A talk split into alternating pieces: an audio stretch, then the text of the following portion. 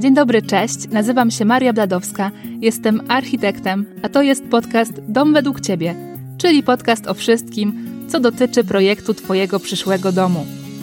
Nieważne, czy dopiero myślisz o projekcie, czy współpracujesz już z architektem, albo szukasz projektu gotowego, ja jestem tu po to, żeby pomóc Tobie zrozumieć proces planowania Twojej inwestycji, tak żeby na koniec efekt był dla Ciebie jak najlepszy niezależnie od tego, jaką masz działkę, jaki masz budżet, czy jakie masz potrzeby i marzenia. Dzisiaj kontynuacja tematu o wyborze projektu gotowego. Wiem, że nie jest to tak łatwe, jak mogłoby się wydawać i że paradoksalnie ilość projektów gotowych utrudnia wybór tego właściwego, a jednocześnie producenci projektów gotowych robią wszystko, żeby wybrać jakiś ich projekt, przez co niektóre projekty mogą Wam trochę zamieszać w głowie, przez co nie skupicie się na właściwym układzie funkcjonalnym. A przecież układ funkcjonalny to jest najważniejsza rzecz, która wpływa na to, jak nam się żyje w domu. Dlatego dzisiaj podzielę się z Tobą trzema wskazówkami, na co zwracać uwagę przy wyborze projektu gotowego, a czym nie warto się sugerować. Zapraszam do słuchania. Tydzień temu e, mówiłam o rzeczach dotyczących przygotowania do poszukiwań e, projektu gotowego. I tam chodzi o to, żeby poznać przepisy miejscowe, sprawdzić dokładnie warunki terenowe, czyli działkę, czyli jej nasłonecznienie, wymiary, kształt, rzeźbę terenu, e, warunki gruntowe, zacienienie, widoki itd. Tak I poza tym ważne jest też określenie budżetu, właśnie tak na początku. I właśnie w poprzednim odcinku daję wskazówki, jak to wszystko zrobić dobrze, więc jeżeli ten temat Was ciekawi, a nie mieliście okazji jeszcze posłuchać, to wtedy warto do tamtego odcinka wrócić. A ja idę dalej, e, bo jak już jesteście przygotowani, no to czas rozpocząć te poszukiwania projektu. I to nie jest łatwa sprawa, nawet bez tego, co zaraz powiem, bo być może ta wiedza, to co zaraz powiem, jeszcze bardziej skomplikuje Wam to zadanie, ale może przeciwnie. Może dzięki temu, co usłyszycie, będziecie mogli łatwiej odfiltrować projekty słabe. Będziecie mogli zawęzić ten krąg poszukiwań, a to pomaga. Bo projektów gotowych jest mnóstwo. I z tego, co oglądam, to producenci ewidentnie stawiają na ilość, a nie na jakość. Niestety tak jest. Im więcej mają projektów, no to po prostu mają większe szanse, że sprzedaż będzie lepsza. E, no bo naprawdę, szczerze, niektóre projekty w ogóle nie powinny powstać. Według mnie projekt gotowy, projektowany po prostu w próżni, e, bez żadnych utrudnień w postaci na przykład jakichś trudnych warunków terenowych, taki projekt powinien być idealny. Taki, że po prostu mucha nie siada. Bo przecież jest projektowany dla idealnych warunków. To są takie uniwersalne projekty. A tymczasem jest całe mnóstwo e, projektów, które są niestaranne, nieprzemyślane i takie po prostu, że widać, że ktoś się nie przyłożył, tylko po prostu chciał odhaczyć kolejny projekt. Jest też sporo projektów, które są dobre, tylko właśnie to jest kwestia e, rozpoznania, które są dobre, które są złe. I dzisiaj opowiem Wam o tym, jak takie projekty rozpoznać. Dlatego, że na rynku jest dużo projektów i niektóre są naprawdę ok, są dobre pod kątem układu funkcjonalnego no bo właśnie o ten układ funkcjonalny e, chodzi. Ten układ funkcjonalny można ocenić na etapie zakupu, a niektóre układy funkcjonalne są po prostu kiepskie, a mimo to inwestorzy kupują takie projekty. Ten odcinek oczywiście nie zamknie tematu, e, jak wygląda dobry projekt, no bo cały podcast tak naprawdę o tym jest, ale tutaj dzisiaj opowiem o takich specyficznych aspektach dotyczących tylko projektów gotowych i żadnych innych. Po prostu po to, żebyście mogli wyłapać te projekty, które są dobre. No to po kolei. Po pierwsze, nie patrz na wizualizację. I tak, ja wiem, że nie da się na wizualizację nie patrzeć, skoro miniaturka to jest po prostu pierwsza rzecz, którą się widzi, ale mi chodzi o to, e, żeby wygląd budynku nie był tym, co zadecyduje o kupnie projektu. Szukając projektu, przede wszystkim skup się na układzie funkcjonalnym. Wizualizacja to jest coś, co z założenia ma ci pomóc wyobrazić sobie jakiś budynek. Więc one oczywiście są ważne, ale zawsze pamiętaj, że są też wykorzystywane jako narzędzie, które sprzedaje. I jeżeli wizualizacja cię zachwyci, no to prawdopodobnie to jednak będzie miało duży wpływ na to, jak będziesz odbierać projekt. A musisz pamiętać ważną rzecz, że wizualizacja zawsze, zawsze kłamie. I nawet nie chodzi o to, że ktoś by cię chciał oszukać, tak, tak jak na ogłoszeniach jakiejś patodeweloperki tak zwanej, e, chociaż tak oczywiście też się zdarza, ale przede wszystkim tutaj chodzi o to, że twój dom będzie wybudowany w zupełnie innych warunkach niż tych, jakie są na wizualizacji, bo będzie inne otoczenie, inne nasłonecznienie, czyli budynek będzie inaczej oświetlony, prawdopodobnie użyjesz też innych materiałów, dlatego że to jest częste, że inwestorzy zmieniają materiały w stosunku do tych projektowanych materiałów e, i bardzo możliwe, i co więcej prawdopodobne, bo to ma często miejsce, że końcowo budynek i tak nie będzie przypominał tego budynku z wizualizacji. I trzeba to brać pod uwagę, bo jeżeli się o tym wie, no to można trochę inaczej spojrzeć na te wizualizacje. Bardziej jako coś, co pozwala nam sobie po prostu wyobrazić trochę lepiej ten budynek. A łatwo jest kupić oczami czy emocjami. I są na to badania, że większość z nas kupuje jednak pod wpływem emocji. Ale naprawdę, spróbujcie w ten sposób nie kupować projektu gotowego. Pamiętajcie, że to nie jest tak, że to jest cena projektu 4 albo 5 tysięcy złotych plus adaptacja. Dlatego, że ten projekt, on decyduje o tym, w jaki sposób wy wydacie 800 tysięcy na przykład, czy milion. I takich decyzji, no, nie warto podejmować pod wpływem emocji. A emocje potrafią powodować, że się przymyka trochę oczy na wady na przykład projektu.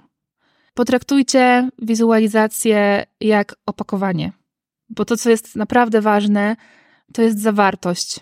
I w żadnym wypadku wizualizacje nie świadczą o tym, że projekt jest dobry, że ktoś się do niego przyłożył czy coś takiego. Bo wizualizację się zamawia, zleca się, najczęściej tak się robi, że się zleca e, zewnętrznej firmie. Jeżeli się dobrze zapłaci, no to wtedy wizualizacje będą ładne.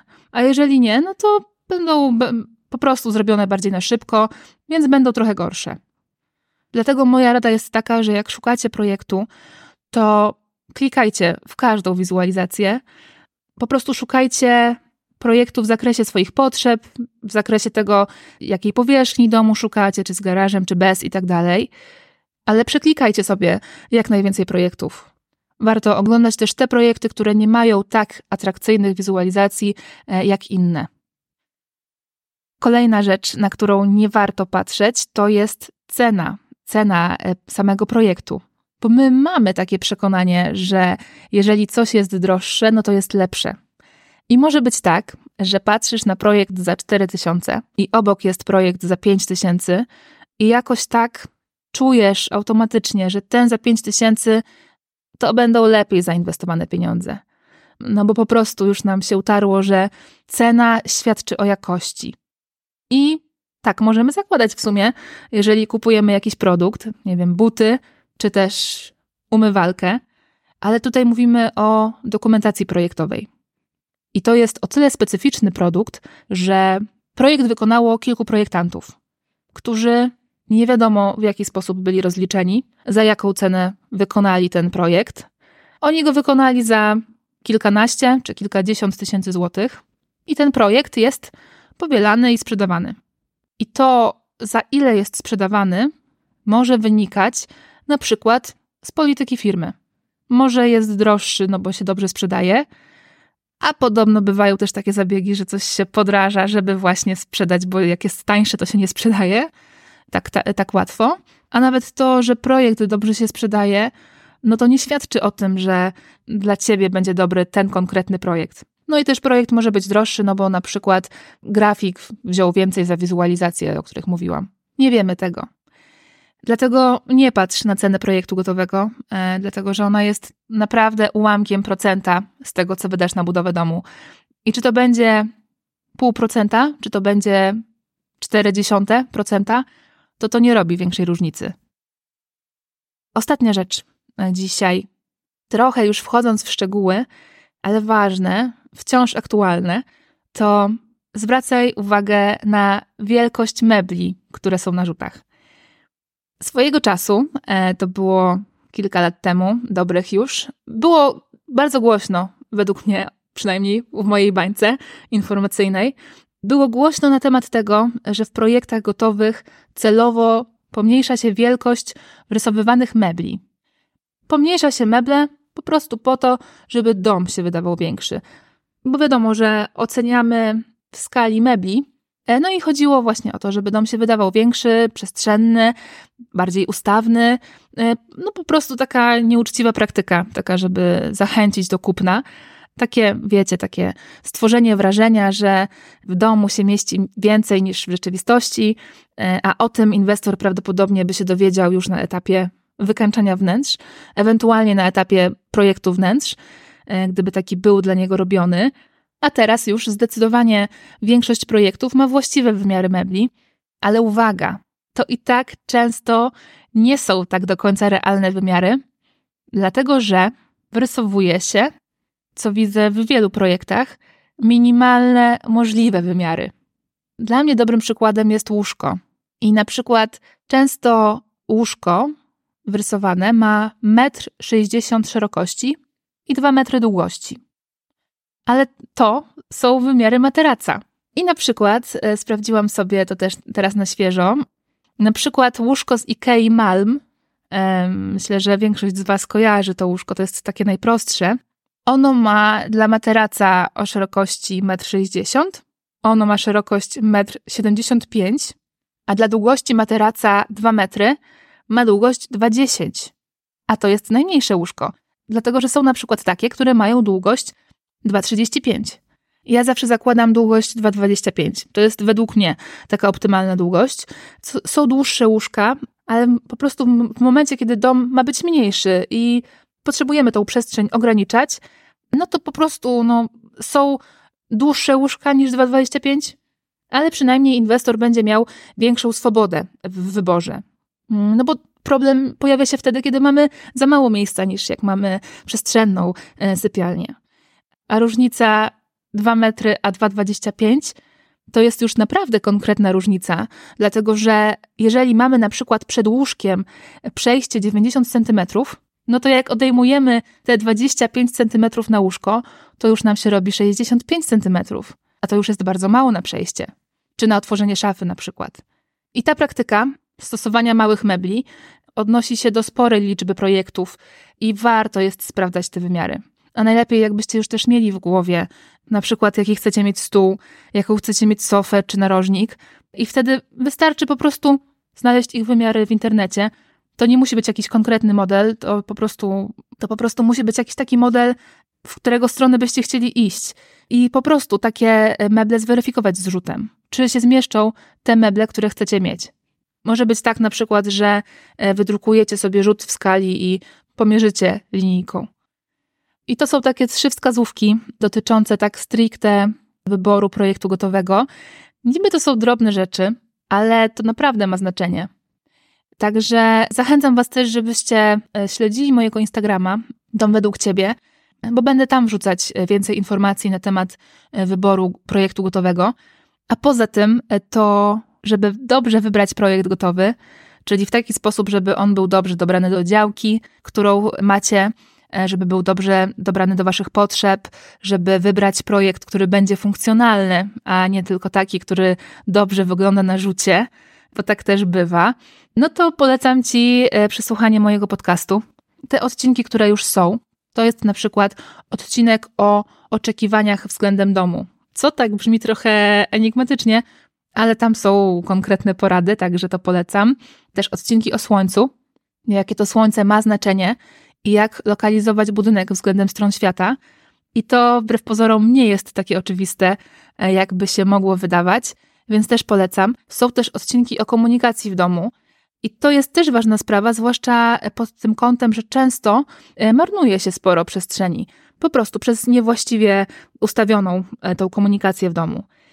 Więc jest już trochę tych odcinków, dlatego jeżeli zależy Ci na tym, żeby e, nie siadać do szukania projektu gotowego, nie mając żadnej wiedzy i tylko polegając na swojej intuicji, przynajmniej na tym wstępnym etapie poszukiwania, E, no to zachęcam Cię do poświęcenia swojego czasu, czy to w drodze do pracy, czy zmywając te przysłowiowe naczynia, żeby posłuchać trochę o tym, co mam Ci do powiedzenia o projekcie domu. I też w ten sposób, bez większego wysiłku, będziesz mieć dużo większą wiedzę, dużo większą świadomość i też dużo łatwiej będzie Ci wybrać projekt gotowy. I powiem Wam, że planowałam zrobić dwa odcinki o projekcie gotowym, ale będą trzy, dlatego że nie chciałam mieszać tematów dzisiaj. Nie chcę, żeby było za dużo informacji naraz, tak w jednym odcinku, a chciałabym jeszcze Wam opowiedzieć troszkę dokładniej o tym, w jaki sposób mogą się Wam przydać projektanci na etapie wyboru projektu, ale też na etapie adaptacji projektu. W jaki sposób może Wam się przydać architekt, jak może Wam się przydać konstruktor, przy okazji właśnie też opowiem o adaptacji projektu gotowego, też żebyście wiedzieli, na czym to polega, żebyście, żebyście po prostu wiedzieli, jaką wykupujecie usługę u projektanta. A adaptacja jest rzeczą niezbędną, dlatego że bez y, adaptacji nie można budować. Nie wystarczy sam projekt gotowy.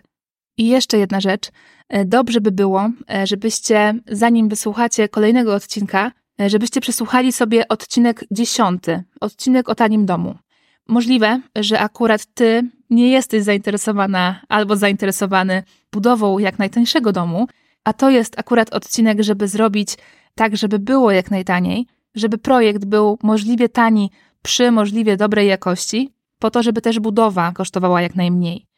Ale tam też jest trochę wyjaśnienia co do samego procesu postępowania z projektem gotowym. I to po prostu Wam się przyda przed przesłuchaniem tego kolejnego odcinka, który będzie o projekcie gotowym, bo to Wam da większe zrozumienie tego procesu projektowania, tego jak powstają projekty, a to jest przydatna wiedza. Również po to, żebyście podjęli dobre decyzje co do Waszej inwestycji, żebyście wiedzieli, na jaką usługę się decydujecie. Także ten odcinek dziesiąty nazywa się Tani dom, jak nie przepłacić. On dotyczy projektu. A na ten moment to jest z mojej strony tyle. E, jeżeli masz pytania, to napisz do mnie maila na adres domwedługciebie małpa.gmail.com albo na Instagramie dom według ciebie. Odpowiem na wszystkie wiadomości. A jeżeli nie chcesz przegapić tego kolejnego odcinka o projekcie gotowym, to zapraszam Cię do obserwowania podcastu Dom według Ciebie, po prostu w tej aplikacji, z której korzystasz. A ja już się żegnam. E, mam nadzieję, że do usłyszenia za tydzień. Pozdrawiam Cię, cześć!